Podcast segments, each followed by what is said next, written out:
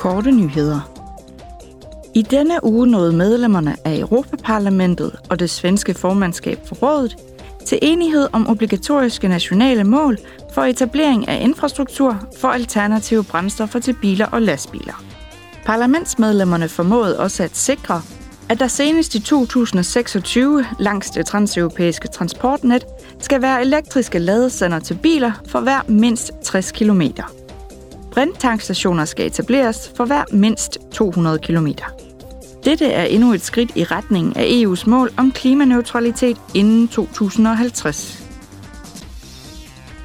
I morgen vil Europaparlamentet i Bruxelles drøfte og stemme om at styrke princippet om lige løn for det samme arbejde eller arbejde af samme værdi mellem mænd og kvinder.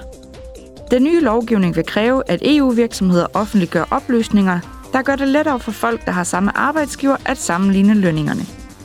Med henblik på at fjerne den kønsbestemte lønforskel, indeholder den nye lov afskrækkende sanktioner for arbejdsgiver, der ikke overholder ligelønsreglerne.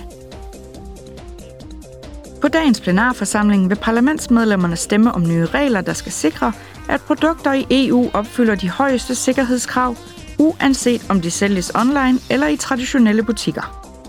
Den nye lov omfatter mere effektive procedurer for tilbagekaldelse af produkter og fjernelse af farlige produkter online.